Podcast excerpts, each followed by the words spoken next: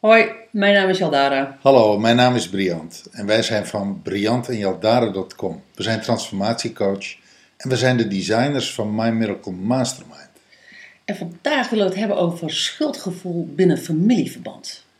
Ja, en dan poneren we de stelling dat iedere familie heeft wel zijn pakketje schuldgevoel. Ja, nou als we eerst eens gaan kijken naar het hier en, hier en nu. Hè. Eh, schuldgevoel ehm, eh, in de huidige situaties van familie. Laten we daar eens naar wat voorbeelden ehm, eh, gaan. Je schuldig voelen over het feit dat je ehm, niet voor je ouders kan zorgen als ze oud zijn. Omdat je, eh, in mijn geval, mijn moeder woont in Oost-Groningen en ik woonde destijds in Amsterdam. En mijn zus en mijn broers, eh, slash schoonzus, woonden dichter bij mijn moeder. Daar zit een vorm van sch- schuldig voelen en misschien ook wel schuldig zijn zit daarin. Nou ja, op een niveau wrong dat altijd. Ja, Maar je praat in de verleden tijd want ik zit nu op Kreta. en je zegt dat is nu zo duidelijk en zo ver weg, dat speelt nu, dat speelt helemaal niet meer. Nee, het speelt niet in mijn leven. Nee, nee in alle eerlijkheid, ehm, ik kan wel zeggen dat het speelt, maar dat is niet zo. Nou, mooi. Maar goed, dat zou, dat zou absoluut een thema zijn, kunnen zijn rond het thema, eh, of- een item zijn rond het thema schuldgevoel. Een andere die mij te binnen schiet, eh, je hebt je uiterste best gedaan als ouders om je kind goed op te voeden en je kind wordt eh heroïne verslaafd en prostituee en eh, steelt en rooft. En, nou ja, kortom, je, je kind gaat, helpt zichzelf volledig naar de kloten. Op een niveau, als ouder, heb je dan toch het gevoel van, ik, weet je, ik ben tekortgeschoten. Ik, eh, ik heb te veel gewerkt, ik heb dit kind te weinig aandacht gegeven. Het thema schuld, schaamte en geheimen, die drie eenheid, speelt eigenlijk altijd wel een beetje, grijpt in elkaar en speelt een beetje, in dat gebied zit het altijd. Nou ja, dan heb je het inderdaad over die drie eenheid, schuld, schaamte en geheim. En geheim komt dan waarschijnlijk omdat we hebben het er niet over, d- dat stuk hè. Laten we het er maar niet over hebben. Ehm, bijna alle gezinnen, families hebben wel zo'n zo'n item zo van, nou laten we het gezellig houden, laten we het daar niet over hebben. Omdat dat een, een dingetje is. Het geeft gedoe. ja, geef gedoe. Ruzie, huilpartijen, schreeuwpartijen. Maar dan heb je het dus over schuldschaamte en geheim als, als, als, eh, als een laag. Maar er is natuurlijk ook een balans tussen je schuldig voelen en de schuld krijgen. Dader en slachtoffer. Ja, want, want ehm, ehm, kijk, ik zou me schuldig kunnen voelen dat ik niet voor mijn moeder eh, kan zorgen. Maar de vraag is natuurlijk ook nog of ik misschien wel bepaald schuld krijg van bijvoorbeeld mijn zus of mijn broer. Ja, stel dat dat helemaal niet zou spelen, dan zou er eigenlijk niks aan de hand zijn. En, en dan is er nog een element van ehm, eh, dat iemand de schuld op zich neemt, bijna. Hè? Zo van, want dat zie je ook nog een keer in families, dat er altijd één iemand zich verantwoordelijk voelt voor de schuld die er dan is. Ja, en wij, op dat, op dat moment kijken wij altijd systeem. Ja, We hebben die, eh, we hebben die opleiding, familieopstellingen, een aantal jaren geleden gedaan. En werken er eigenlijk met onze klanten heel veel mee. Wij eh, doen dat in de vorm van een doorbraaksessie. Daar beginnen we altijd met een, op een niveau een familieopstelling. Eh, ja, daar beginnen we. Daar eindigen we vaak niet, maar daar beginnen we wel. dat verwerken we in die doorbraaksessie. Ja. En al heel snel, dan komt er natuurlijk dan komt er belangrijke informatie. En al heel snel gaat dat over in channelen. Ja, Wat we tegenwoordig doen. ja. Maar wat we altijd zien is dat iets wat in het hier en nu speelt, wat gedoe heeft, wat wringt, wat mogelijkwijs rond dat thema schuld eh, eh, danst, dat dat altijd een herhaling is van iets wat in de achtergrond ook heeft gespeeld. Bij een opa, bij een oma, bij een grootouder. En je ziet als het ware, wij noemen het copy and paste, dat dat soort patronen zich door de generaties heen herhalen. Soms omgekeerd, soms lijkt het iets anders, maar als je er goed naar kijkt, is het eigenlijk iedere keer hetzelfde thema. Maar het her- herhaalt zich natuurlijk net zo lang totdat in, ehm, in het eerste schuldgevoel, wat wij dan zeggen, als we het even op dat schuld, schuldgevoel blijven houden, ehm, als je naar dat originele moment gaat, naar het eerst oorspronkelijke moment, ehm, als, ehm, als daar onrust blijft, want vaak moet daar iets gezien en gehoord worden. Klopt. Dat heb je natuurlijk ook, weet je, dat is niet voor niets dat jij zegt van schuld, schaamte, geheim, in het, hè, waar je het net over had in het hier en nu. Dat was natuurlijk toen, in die generaties achter jou, zat ook schuld, schaamte en geheim. Dus daar hadden we het dan ook maar niet over. Nou, als dat doordendert, dan is het dus generaties lang iets niet gezien en niet gehoord. Het mag er zogenaamd niet zijn. En wat je dan ziet binnen, binnen systemisch werk, is dat er altijd iemand eh, op de een of andere nou ja, manier ehm, eh, een lijntje houdt met die oorspronkelijke schuld. Die weet dan niet waar, wat er Die weet al lang niet meer wat er speelt. en die weet al lang niet meer waar het, over, waar het over gaat, maar die voelt voortdurend dat er iets is wat, wat hem of haar tegenhoudt. Maar in de achtergrond is er een roep naar voren van: hé hey, hallo, ik wil graag gezien en gehoord worden. Ik wil graag aan het licht komen. Ja, En een manier om dat voor elkaar te krijgen, lijkt dan de enige manier om het patroon te herhalen, zodat het dan, dan maar in deze generatie aan het licht kan komen. precies. De- Of geheeld kan worden, of in, in, ja, in compleet kan worden. Nou ja, heling, transformatie, heling vindt natuurlijk pas plaats op het moment dat het gezien en gehoord mag worden. Ja. Daarmee hoeft niet alles gezegd te worden rond die situatie. Er hoeven ook geen daders aangewezen te worden.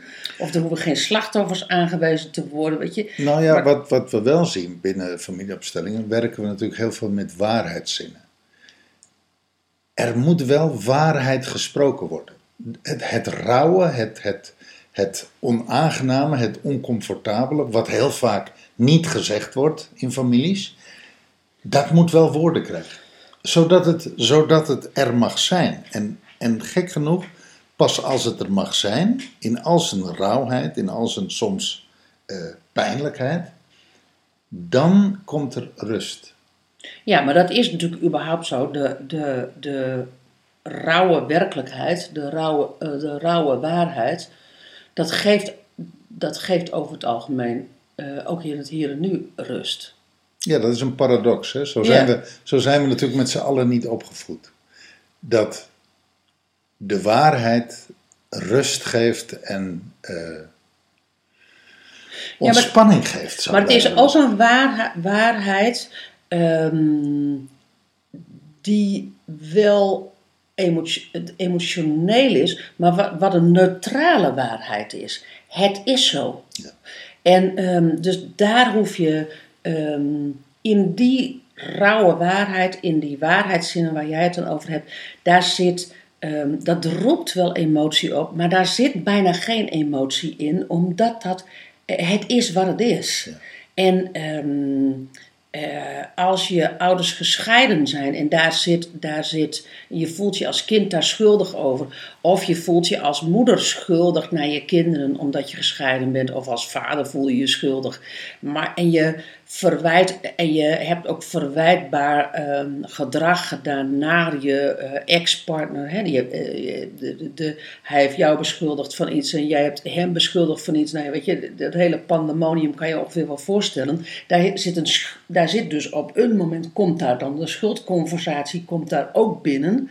Dan is dus de rauwe werkelijkheid dat je de ander, bij wijze van spreken, genaaid hebt. Dat je de ander ehm, iets misdaan hebt wat eigenlijk gewoon niet zo netjes was.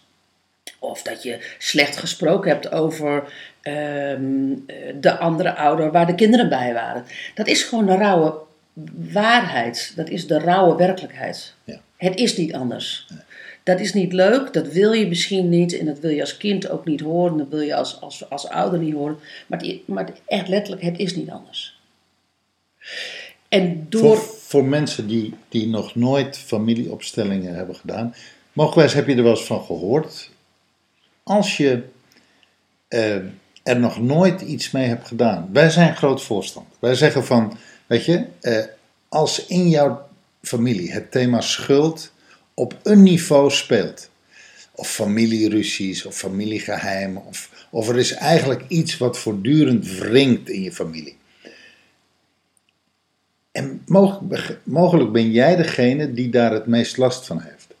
Dan kunnen we je absoluut aanraden: ga een keer een familieopstelling doen en onderzoek dat thema eens van: hé, hey, wat speelt hier eigenlijk? Wat is hier aan de hand? Ja, En je zult verbaasd staan hoe één zo'n opstelling een enorme rust kan brengen en ontspanning kan brengen in, ja, eigenlijk in het hele systeem. Dus ook bij jouw ouders, ook bij je broers en je zussen, ook bij, ja, zonder dat zij weten wat je, wat je, wat je hebt gedaan. en zonder dat ze Ja. erbij waren. Zonder dat ze erbij waren. Ja. Maar en, en, en daar, daarvoor kan je al een andere oefening doen.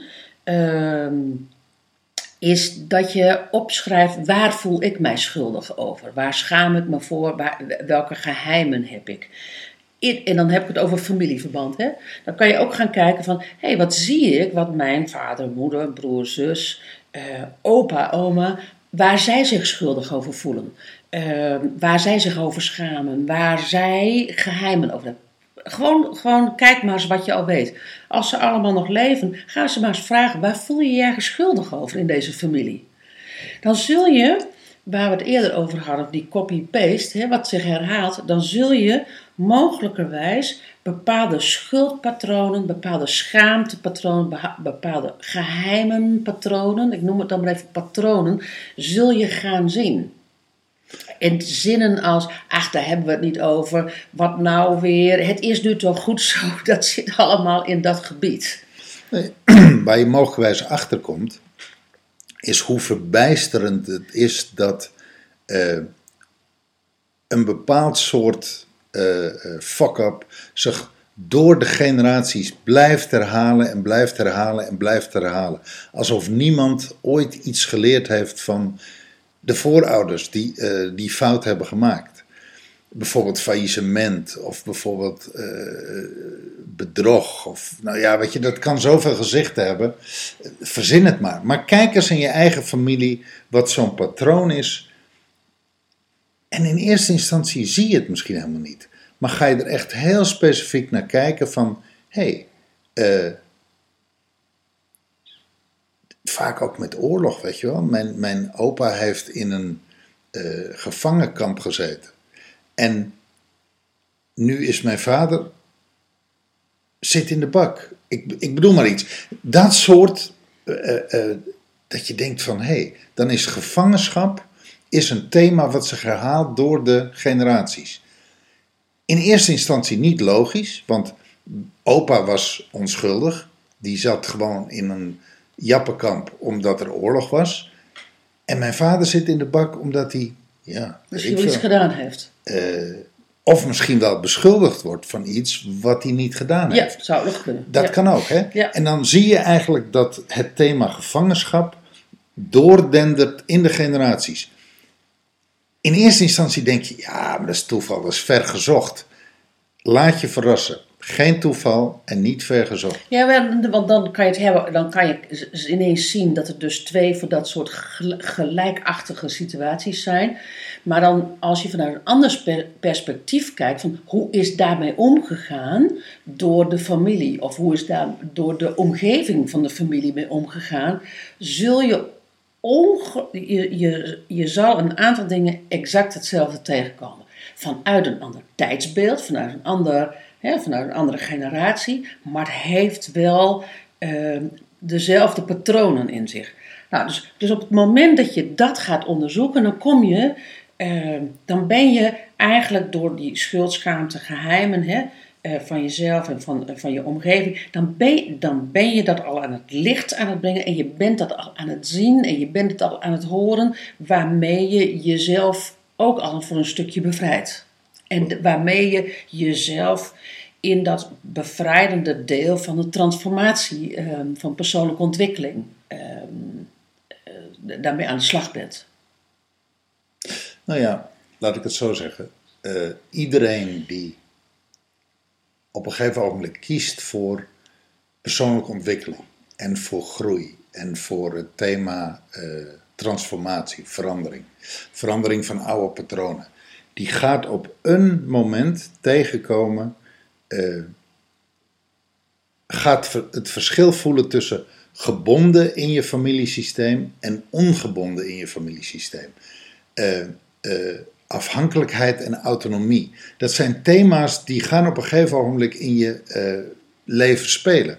Loyaliteit. Loyaliteit naar je familie of loyaliteit naar jezelf. Dat zullen op een niveau thema's worden waar je mee te maken krijgt op het moment dat je kiest voor persoonlijke ontwikkeling. Ja, en dan, en dan terug, als je schuldig voelt, dan ben je vaak gebonden, dan ben je vaak afhankelijk, dan ben je vaak loyaal.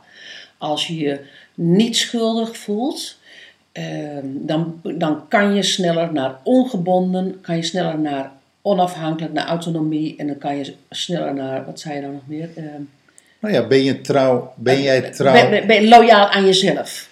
Ben je loyaal aan je, aan je familiesysteem of ben je loyaal aan jezelf?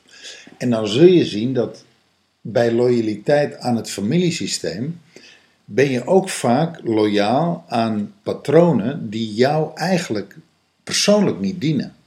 Sterker nog, die soms zelfs ongezond voor je zijn. En ben je loyaal aan jezelf, dan kom je echt in dat stuk van ik voel me vrij, ik voel me autonoom.